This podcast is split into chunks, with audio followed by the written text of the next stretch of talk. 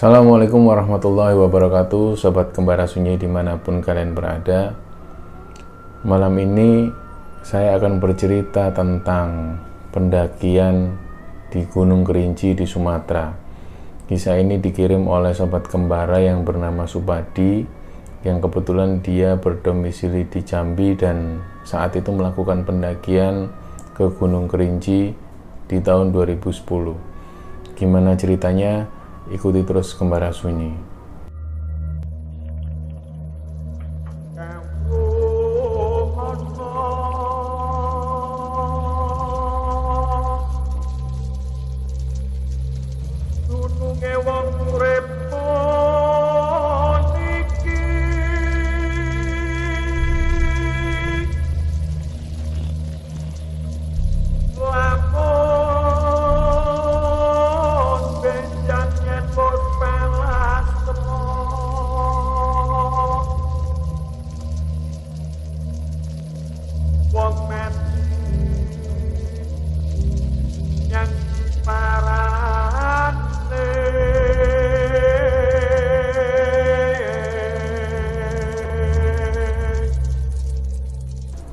Kisah ini dikirim oleh sahabat kembara yang bernama Subadi. Kita akan panggil dia Padi untuk nama panggilannya Padi gitu aja. Saat itu Padi dan teman-teman akan berencana melakukan pendakian ke Gunung Kerinci. Nah, kebetulan Padi ini berdomisili di Jambi yang jaraknya dari Jambi menuju ke Gunung Kerinci itu memakan waktu sekitar 12 jam kurang lebih. Nah, kita tahu bahwa Gunung Kerinci itu mempunyai ketinggian sekitar 3805 meter di atas permukaan laut dan ini merupakan gunung di di antara bukit barisan di mana di situ merupakan habitat harimau Sumatera juga badak Sumatera di situ. Nah, di Gunung Kerinci ini sendiri juga ada kawah. Di atasnya itu ada kawah sedalam 600 meter. Melalui Gunung Kerinci ini bisa dilalui dengan dua jalur. Yang pertama ada jalur via Kersiktuwo, ada lagi via Solo. Nah, Subadi saat melakukan perjalanan pendakian ke Gunung Kerinci ini awalnya pada bulan puasa mereka Subadi dan teman-teman ini berencana melakukan pendakian. Dan notabene Subadi ini adalah anggota Mapala di Jambi yang ketika akan melakukan pendakian mereka harus izin dulu ke ketua Mapala pada saat itu untuk sekedar e, melaporkan dan menginfokan bahwa ada anggotanya yang akan melakukan pendakian ke Gunung Kerinci. Di tahun 2010 itu kebetulan sekali e, situasinya setelah lebaran. Jadi mereka mendaki H plus 3 setelah lebaran. Jadi kondisi masih libur lebaran. Pada waktu itu mereka mendaki lima orang sekalian rencananya memang untuk ngetes tenda karena saat itu Subadi dan teman-teman ini baru beli tenda yang baru untuk kemudian akan dites di lapangan seperti apa kondisinya. Nah, dari Jambi mereka berangkat sekitar jam 5 sore menempuh perjalanan sekitar kurang lebih 12 jam dan sesampainya di daerah Sungai Penuh itu sekitar jam 6 pagi. Dari situ mereka berlima nggak langsung menuju ke pos perizinan tapi mereka mampir dulu ke rumah salah satu teman mereka untuk sekedar silaturahmi apalagi momennya masih lebaran. Sampai jam 2 siang baru mereka mulai berangkat menuju ke kecamatan Kayu Aru dari jam 2 siang memakan waktu sekitar 2 jam jadi jam 4 sore itu mereka baru nyampe di Tugu Macan. Ada yang di situ daerah situ namanya Tugu Macan yang biasanya untuk tetenger sebelum memasuki wilayah uh, Gunung Kerinci. Jadi mereka di Tugu Macan itu sempat foto-foto sebentar, kemudian jalan lagi melanjutkan ke pos perizinan. Itu melewati kebun teh yang sangat luas. Nah, biasanya para pendaki yang akan naik ke Gunung Kerinci itu dari daerah-daerah situ dari Tugu Macan menuju ke pos perizinan ini biasanya mereka naik pickup atau mobil sayur warga sekitar situ. Cuman mungkin karena saat itu yang momen lebaran, momen liburan jadi transportasi masih jarang. Jadi mereka memutuskan jalan kaki uh, sekitar hampir dua jam untuk menuju ke pos perizinan di R10 itu. Nah, saat melewati pos perizinan ini mereka jalan kaki melewati kebun teh yang sangat luas sekali. Uh, dan kebun teh ini memang terkenal luas, bahkan bisa jadi ini terluas di dunia kebun teh yang ada di Kayu Aru itu. Selama hampir dua jam berjalan, mereka mulai nyampe di pos R10. Ketika nyampe di pos R10 ini tidak ada penda, uh, tidak ada penjaga yang jaga di situ. Nah, Subadi dan teman-teman mikirnya mungkin karena ini masih musim liburan, jadi belum ada petugas yang jaga. Bisa jadi petugasnya masih juga libur lebaran. Ketika melihat pos yang nggak ada penjaganya mereka mulai lanjut perjalanan lagi menuju ke pintu rimba. Nah awalnya Subadi dan teman-teman ini memang berencana untuk ngecamp dulu di daerah pintu rimba itu jadi saat perjalanan menuju ke pintu rimba ini jalan mulai makadam terus tanah yang padat sempit dan landai. Nah, dari sini perjalanan ini masih belum terlalu terjal dan jalur-jalur ini jalur awal yang sebenarnya untuk mengumpulkan tenaga karena untuk selanjutnya jarang sekali jalur-jalur landai di sekitar Gunung Kerinci. Nah, ketika mereka berencana akan membuka tenda di pintu rimba, itu mereka oh, masuk dulu di gapura selamat datang itu dan ada bangunan bekas kamar mandi yang sudah tidak terpakai di situ. Akhirnya mereka di pintu rimba mereka mendirikan tenda, terus masak-masak sebentar, ngobrol-ngobrol, terus tidur gitu aja sambil jaga stamina. Karena memang dari awal Subadi dan teman-teman sepakat untuk melakukan pendakian ini secara santai dan nggak mengejar target sama sekali jadi mereka bisa santai sepanjang perjalanan. Nah, pada saat tidur di area pintu rimba itu, itu Subadi itu dalam tidurnya itu mimpi. Dia itu melihat sebuah istana yang besar itu di atas puncak kerinci, tepatnya di kawah gunungnya itu. Dia melihat istana yang besar gitu. Nah, anehnya dia itu melihat istana yang besar tapi di depannya ini ada lalu lalang oh, aktivitas orang gitu. Ketika didekati, ternyata yang dia lihat, yang supaya dilihat itu ternyata manusia dengan ukuran yang nggak wajar, ukuran agak besar, tapi kepalanya hewan semua. Jadi orang-orang dengan kepala hewan ini lalu lalang dan beberapa makhluk ini seperti memukul batu yang besar gitu, dak, dak, dan batu yang besar ini kemudian jadi batu-batu dengan ukuran kecil terus dipukul-pukul sampai jadi pasir kemudian dimasukkan di tungku yang ukuran besar gitu dengan api yang berkobar-kobar gitu. Nah, di mimpinya ini Subadi ngerasa aneh sekali tapi tiba-tiba dia terbangun karena ada beberapa temannya yang sholat subuh. Jadi pada saat ada temannya yang sholat subuh dia ini seperti terbangun dan Subadi itu ngerasa tidurnya itu cepat banget padahal saat dia ngimpi ini rasanya juga lumayan lama gitu nah pada saat dia melihat temannya yang sholat subuh akhirnya dia juga memutuskan untuk sholat subuh. Ketika selesai sholat subuh mulai mereka masak ngopi dan ngobrol-ngobrol santai. Sekali lagi bahwa pendakian ini pendakian yang santai jadi mereka nggak terlalu terburu-buru.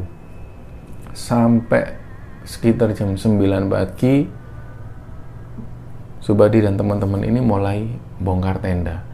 Terus untuk melanjutkan perjalanan lagi begitu setelah bongkar tenda mau memasuki vegetasi yang lebat masuk hutan-hutan lebat itu mereka berdoa bersama-sama tapi Subadi ini dalam hati dia berdoa dalam hati seperti meminta izin. Ke penghuni hutan itu seperti meminta izin bahwa Assalamualaikum niat kami ingin bersilaturahmi ingin naik Gunung Kerinci untuk melihat ketakjuban Tuhan. Jadi uh, mohon memberi jalan kami supaya tidak mempersulit perjalanan ini itu itu tapi diucapkan Subadi dalam hati. Nah ketika Subadi selesai berdoa itu tiba-tiba Subadi itu ngerasa ada dua sosok makhluk yang di belakang tim mereka, di belakang rombongan mereka ini yang seperti ngikutin dari arah belakang gitu loh. Jadi seperti dua sosok tapi Subadi sendiri nggak tahu sosok ini apa gitu. Tapi yang dia tahu dia ngerasa ada dua sosok yang seperti ngikuti rombongan mereka gitu. Tapi teman-teman Subadi ini nggak tahu apa yang dirasakan Subadi. Nah dari situ Subadi tetap tidak menginfokan hal ini ke teman-teman karena takutnya teman-teman tanggapannya beda. Jadi Subadi cuma diem dan hanya merasakan kedatangan dua sosok makhluk ini yang rasanya itu seperti ngawal rombongan mereka gitu. Nah, pada saat setelah itu mereka lanjutkan perjalanan sampai di pos 1 itu namanya pos bangku panjang karena di situ ada tanah yang uh, nggak seberapa besar ukurannya nggak seberapa lapang. Di, eh, di bangku panjang ini ketinggiannya sudah sekitar 1800-an meter di atas permukaan laut. Nah dari situ Subadi dan teman-teman bersantai sejenak untuk sekedar merokok satu atau dua batang untuk melepas lelah sebentar cuman nggak terlalu lama. Hanya sekedar minum dan ngisep satu dua batang rokok. Selesai ngerokok sebentar terus Subadi dan rombongan ini lanjutkan jalan kaki lagi. Mereka jalan pelan. Nah nggak lama itu saat berhenti itu uh, Subadi bilang ke teman-teman nanti kalau kita berhenti lagi tidak usah terlalu lama karena di daerah sini ini kan masih habitat harimau Sumatera. Jadi khawatirnya kedatangan kita ini mengganggu mereka gitu loh nah jadi selama perjalanan itu jalur pendakian yang landai terus lama-lama semakin nanjak gitu kan jalannya semakin nanjak terus kemudian ada landai lagi sampai di Batu Lumut itu mereka isi air. Jadi ada uh, lokasi yang namanya Batu Lumut. Itu beberapa teman Subadi ambil air, terus lagi-lagi Subadi bilang, ayo kita cepetan jalan lagi karena di daerah-daerah situ ini adalah habitat harimau Sumatera gitu loh. Jadi sering kali di pos 1, di pos 2 dan pos 3 ini memang uh, masih sering kali dijumpai harimau Sumatera ini yang lewat atau kadang melintas gitu di daerah situ. Nah, akhirnya mereka lanjut menuju ke pos 3. Nah, begitu sampai di pos 3 ini kondisi sudah mulai hujan. Nah, jadi mereka mulai masang jas hujan untuk lanjutkan perjalanan lagi apalagi jalannya ini didominasi akar-akar pohon yang besar gitu loh.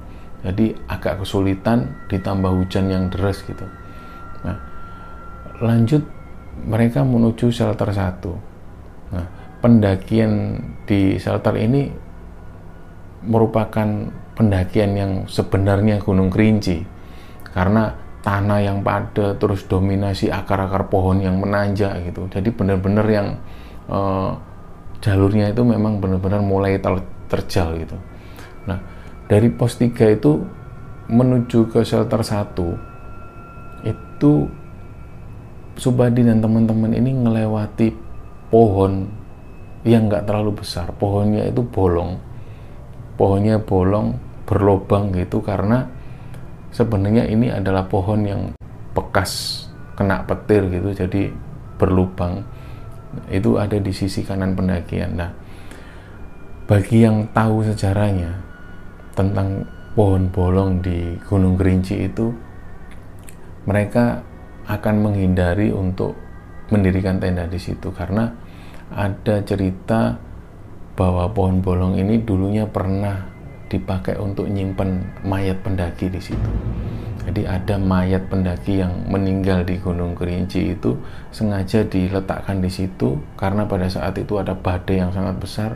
Untuk menghindari badai itu mayatnya disimpan di situ lebih dahulu. Ketika badai berhenti, terus jenazah pendaki itu diambil lagi untuk dibawa turun. Itu cerita yang pertama dan cerita yang lain juga banyak yang beredar bahwa di pohon itu juga banyak sekali penunggunya. Kadang juga ada penampakan nenek-nenek tua yang jalan di malam hari gitu sambil kadang ketawa yang ada juga genderuwo yang sering kali menampak di pohon itu. Bahkan beberapa warga itu juga menghubung-hubungkan tentang cerita-cerita pendaki yang hilang di Gunung Kerinci itu dengan adanya pohon yang lubang itu pohon bolong itu jadi banyak yang menghubungkan hilangnya pendaki itu ada hubungannya dengan pohon bolong itu. Ada yang berspekulasi bahwa pendaki yang hilang itu dibawa ke alam lain lewat melalui pohon bolong itu. Nah, akhirnya Subadi dan teman-teman mulai melanjutkan perjalanan lagi. Target awal mereka ini akan mendirikan tenda di shelter 2 sebenarnya, tapi karena kondisi mereka yang santai dan beberapa teman Supati ini juga ada yang kelelahan jadi mereka mendirikan tenda di shelter satu. Nah di shelter satu ini ketinggian sekitar 2500an meter di atas permukaan laut. Dan di shelter satu ini bisa diisi sekitar 15 tenda nah sebenarnya dari shelter satu ini sudah kelihatan lereng kerinci yang gagah gitu Nah, di situ uh, Subadi itu dapat tugas untuk masang tenda dan juga bikin kopi. Sementara beberapa teman lainnya ini ada yang ambil air, ada yang menyiapkan nasi dan ada yang menyiapkan masak untuk malam itu. Nah, pada saat itu nggak ada atau belum ada kejadian yang aneh-aneh atau tanda-tanda yang aneh cuman kabut yang sangat tebal gitu nyelimuti di sekitar tenda mereka gitu. Nah, ketika selesai makan malam dan ngopi-ngopi sebentar, ngobrol sebentar, akhirnya mereka tidur. Nah, pada saat tidur itu karena suhu yang sangat dingin sekali gitu. Sampai beberapa teman Supadi dan teman-teman ini dua jam sekali itu kebangun gara-gara dingin gitu. Jadi dua jam sekali itu menggigil dan bangun kemudian tidur lagi saking dinginnya gitu. Sampai oh, di subuh hari itu mereka tidur nggak nyenyak gitu. Jadi di pagi hari aktivitas mulai berjalan seperti biasa ngopi masak dan lain-lain dan jam 8 pagi mereka mulai berangkat lagi untuk menuju ke shelter 2 nah menuju ke shelter 2 ini tanahnya mulai padat dan masih akar pohon yang mendominasi di situ dan jalur ini merupakan jalur yang terpanjang di antara pendakian Gunung Kerinci. Sesampainya di shelter 2, Subadi dan teman-teman istirahat sebentar, nggak lama kemudian lanjut menuju ke shelter 3. Nah, perjalanan antara shelter 2 ke shelter 3 ini merupakan trek yang paling berat akar pohon yang mendominasi, terus tanah yang tinggi, apalagi terus ada akar-akar yang membentuk terowongan. Jadi mereka sesekali harus merunduk terus masuk, apalagi kadang-kadang juga karier ini nyangkut di akar-akar pohon, saking banyaknya akar pohon yang membentuk seperti gua gitu.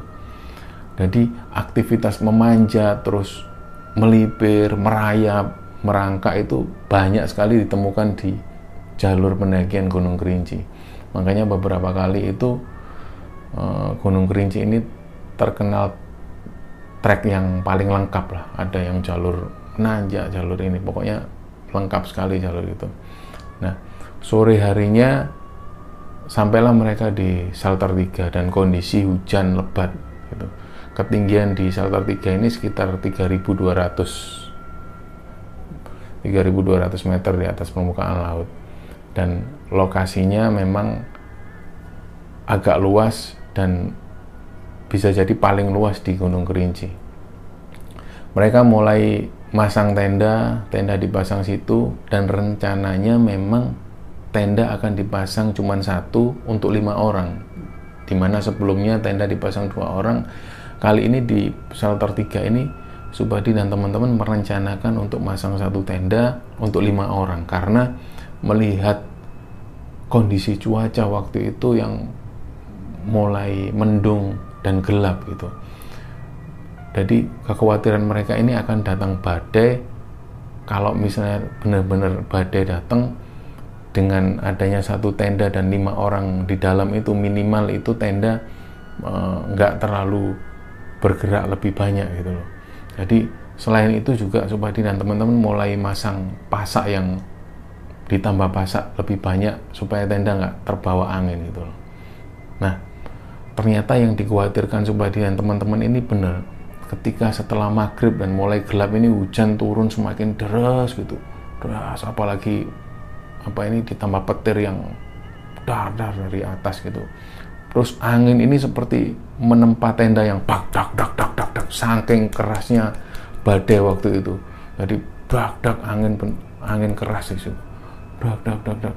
Nah, karena sudah dipersiapkan secara matang tenda waktu itu. Jadi tenda tidak seberapa uh, goyang terlalu terlalu kencang. Jadi cuman rak rak kain-kainnya ini yang terkena angin gitu aja nah, semakin malam itu hujan terus badai ini semakin kenceng nah, nah uh, beberapa teman ini bahkan ada yang sampai buka tenda untuk ngecek kondisi di luar karena seperti dengar seperti lemparan batu kerikil yang kecil-kecil itu ternyata ketika tangan dikeluarkan ini ada batu es seukuran kecil-kecil gitu. Nah, pada waktu itu badai memang benar-benar kencang sekali. Nah, mulai muncul kepanikan yang di dalam tenda. Jadi beberapa teman-teman ini ada yang mulai zikir gitu, ada yang juga menundukkan kepala gitu. Nah, Subadi sendiri juga zikir dalam hati. Selain itu dia juga memutuskan untuk baca-baca ayat kursi. Jadi Subadi dalam hati itu dia baca ayat kursi tujuh kali dia baca terus Allah la ilaha illallah sambil di luar ini suasana angin yang wuh, badai yang menerpa tenda dak dak dak dak dak dak jadi di dalam suasananya tegang banget nah ketika Subadi membacakan ayat kursi yang berulang-ulang kali ketika sampai di bacaan ayat kursi yang ketiga itu dia itu antara sadar dan nggak sadar. Dia itu seperti melihat satu sinar kecil dari atas puncak. Itu seperti sinar kecil yang tiba-tiba membesar, membesar, membesar dan membentuk seperti kereta tapi ditarik oleh dua ekor harimau hitam ukuran besar. Tapi tidak sambil lari tapi harimau ini jalan semakin pelan-pelan tapi menuju tenda jadi sinar itu yang kecil tadi membentuk kereta yang besar terus harimau yang besar hitam gitu semakin dekat semakin dekat ternyata harimau ini dan keretanya itu berhenti persis di belakang tenda Supadi dan teman-teman. Nah, di luar ini masih kondisi yang hujan deras ditambah badai itu. Nah, dalam keadaan sadar dan tidak sadar itu Supadi itu seperti tiba-tiba berada di dalam kereta. Nah, pada saat itulah Supadi ini ngerasa dibawa oleh kereta tadi yang ditarik harimau menuju ke sebuah gua yang besar ukurannya. Di situ dia turun, terus dia itu melihat dua orang penjaga itu yang sosoknya tinggi besar dengan tubuh manusia dan kepalanya hewan sambil membawa tombak di samping kanan dan kiri gitu. Nah, pada saat itu Subadi agak keheranan aku ini di mana gitu. Tapi dia ngerasa antara sadar nggak sadar tapi mulutnya ini masih seperti mengucap eh, bacaan-bacaan doa ini tadi. Nah ketika dia merasa seperti itu dia semakin mendekat ke arah gua dengan dijaga orang atau makhluk yang ukuran besar itu dengan kepala hewan itu. Kemudian ketika Supadi mendekati gua itu tombak penjaganya seperti dialihkan dan seperti memberi jalan pada Supadi. Nah saat itu juga Supadi masuk ke dalam gua, gua yang gelap gitu dan kanan kiri uh, ada obor-obor yang tertancap gitu. Di kejauhan dia itu melihat sebuah singgasana raja dengan ada raja di situ duduk seorang raja laki-laki dengan tubuh yang tegap dan aura yang berwibawa gitu. Nah raja itu kemudian turun dari singgasananya perlahan dan di samping kanan kirinya ini seperti ada abdi-abdinya yang seperti mempersilahkan rajanya untuk jalan. Nah ketika rajanya jalan ini menghampiri Supadi kemudian memperkenalkan diri bahwa namaku Datuk Raja Kumbang. Si raja ini bilang seperti itu. Terus Supadi ini seperti kaget. Baru waktu itu baru kali itu dia mendengar ada datuk Raja Kumbang gitu. Jadi penampakannya seperti manusia biasa yang berwibawa, cuman kadang-kadang uh, raja ini terlihat seperti harimau, juga kadang-kadang terlihat seperti manusia lagi. Kemudian raja ini ngajak Subadi jalan-jalan sekitar istananya.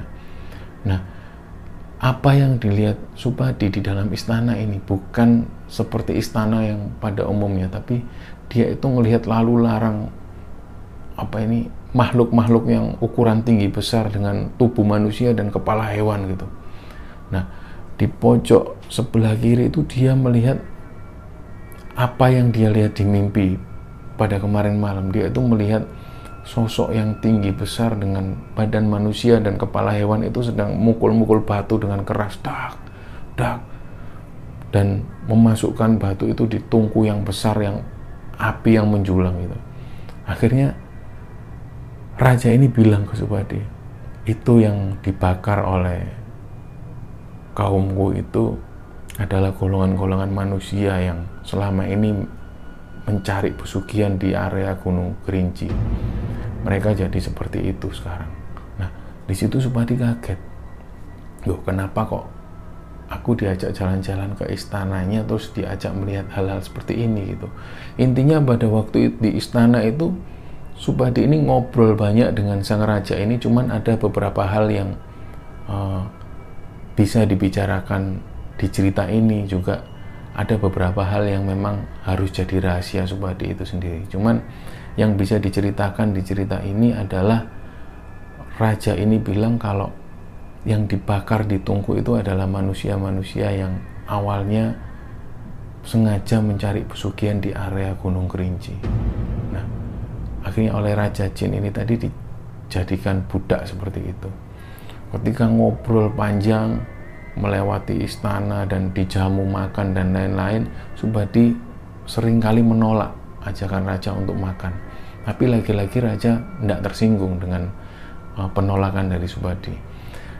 Di antara sadar dan tidak sadar ini Subadi masih uh, meyakini bahwa apa pun yang disuguh, disuguhkan oleh raja ini nggak akan disentuh atau tidak akan dibawa pulang. Jadi ketika disuguhi makanan dia tidak mau makan. Subadi tidak mau makan. Nah ketika pamit pulang, ini sang raja seperti ngasih sebuah kotak. Ketika dibuka itu isinya pasir yang uh, seperti butiran-butiran emas gitu. Tapi lagi-lagi Subadi itu menolak pemberian raja. Dan raja seperti tidak tersinggung sama sekali dan memaklumi apa yang uh, diambil apa yang diambil keputusan yang diambil oleh Subadi. Jadi sama sekali raja nggak tersinggung ketika itu Subadi dipulangkan dengan naik kereta itu tadi yang ditarik harimau hitam itu ketika mendekati tenda itu tiba-tiba Subadi kembali lagi ke posisi awal ketika dia masih baca ayat kursi itu. Di mana teman-teman ada di samping-samping mereka.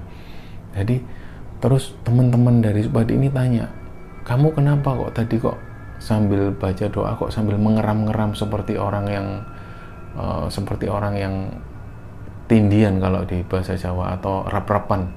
Ya, loh masa iya aku seperti itu? Subadi bilang seperti itu ke teman-teman. Iya kamu tadi saat kamu baca-baca uh, doa itu ayat kursi itu tiba-tiba kamu seperti orang yang ketindian gitu. Nah Subadi terus bilang ke teman-temannya berapa lama aku seperti itu?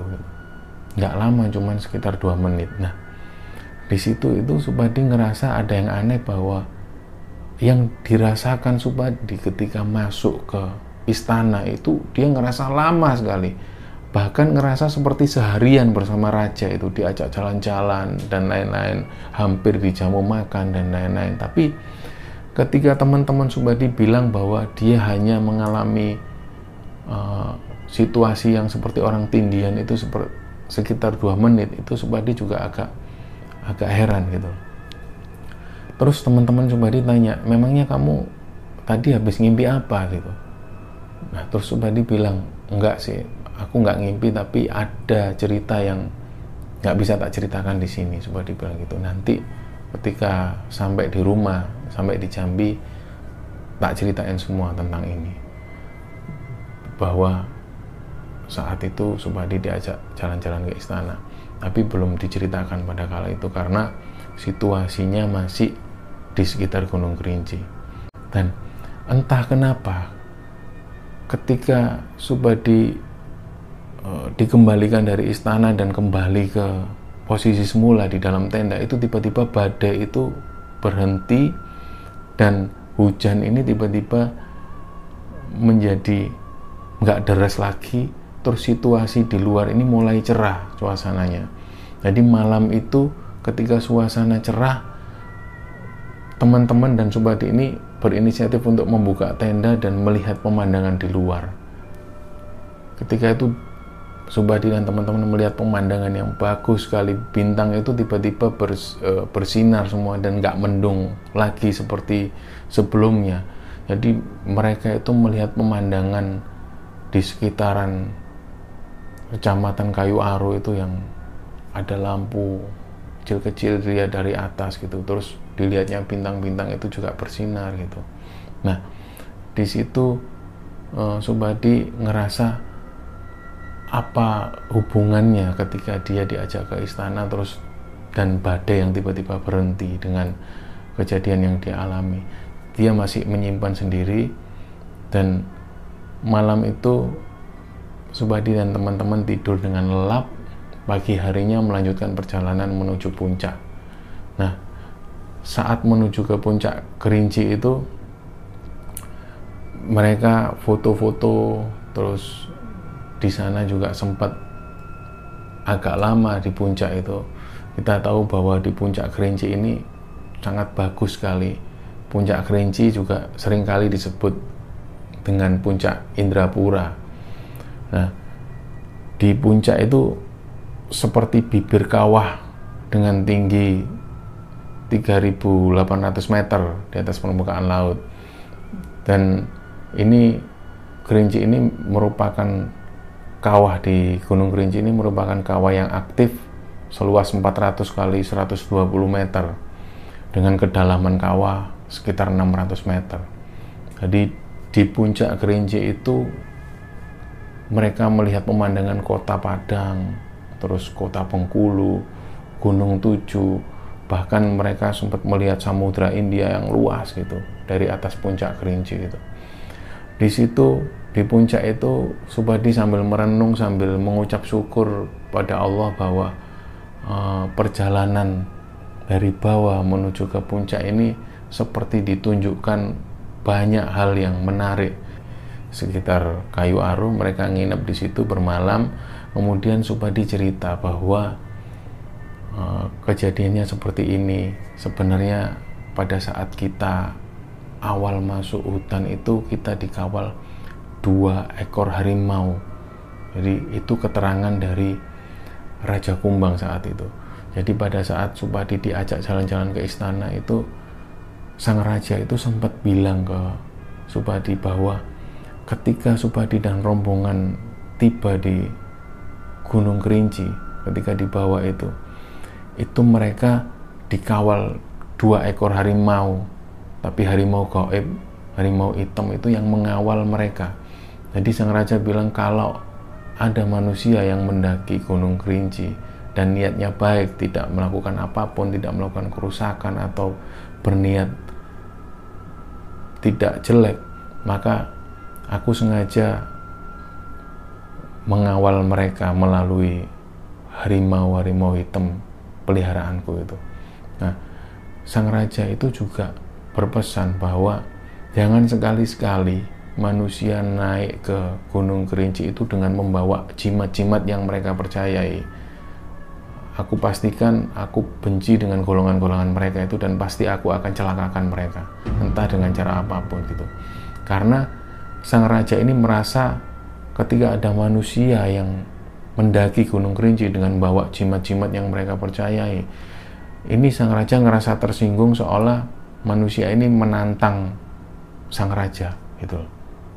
Makanya uh, Subadi cerita ke teman-temannya, sampaikan ke teman-temanmu semua kalau naik ke Kerinci, ke Gunung Kerinci atau mungkin di gunung-gunung lain bagi kalian yang punya jimat-jimat yang kalian percaya lebih baik tidak usah dibawa gitu karena kita tahu bahwa jimat-jimat atau benda yang kita percaya sebagai jimat itu sejatinya akan ada uh, bangsa jin yang ikut di situ.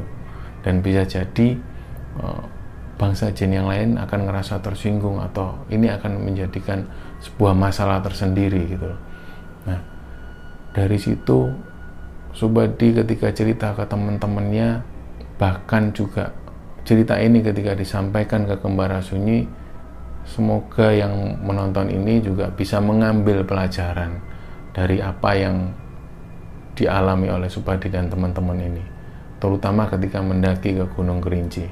Dan pesan yang terakhir yang uh, sangat sangat sangat kita pegang sebagai pendaki bahwa ketika melakukan atau mau melakukan pendakian di mana pun gunung mana pun yang harus kita ingat bahwa kita harus melibatkan Tuhan di situ.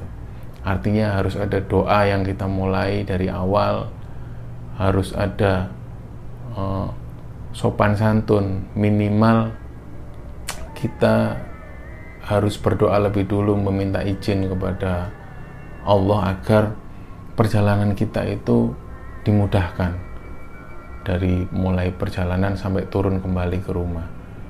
Nah, semoga kisah ini bisa diambil hikmah oleh teman-teman semua.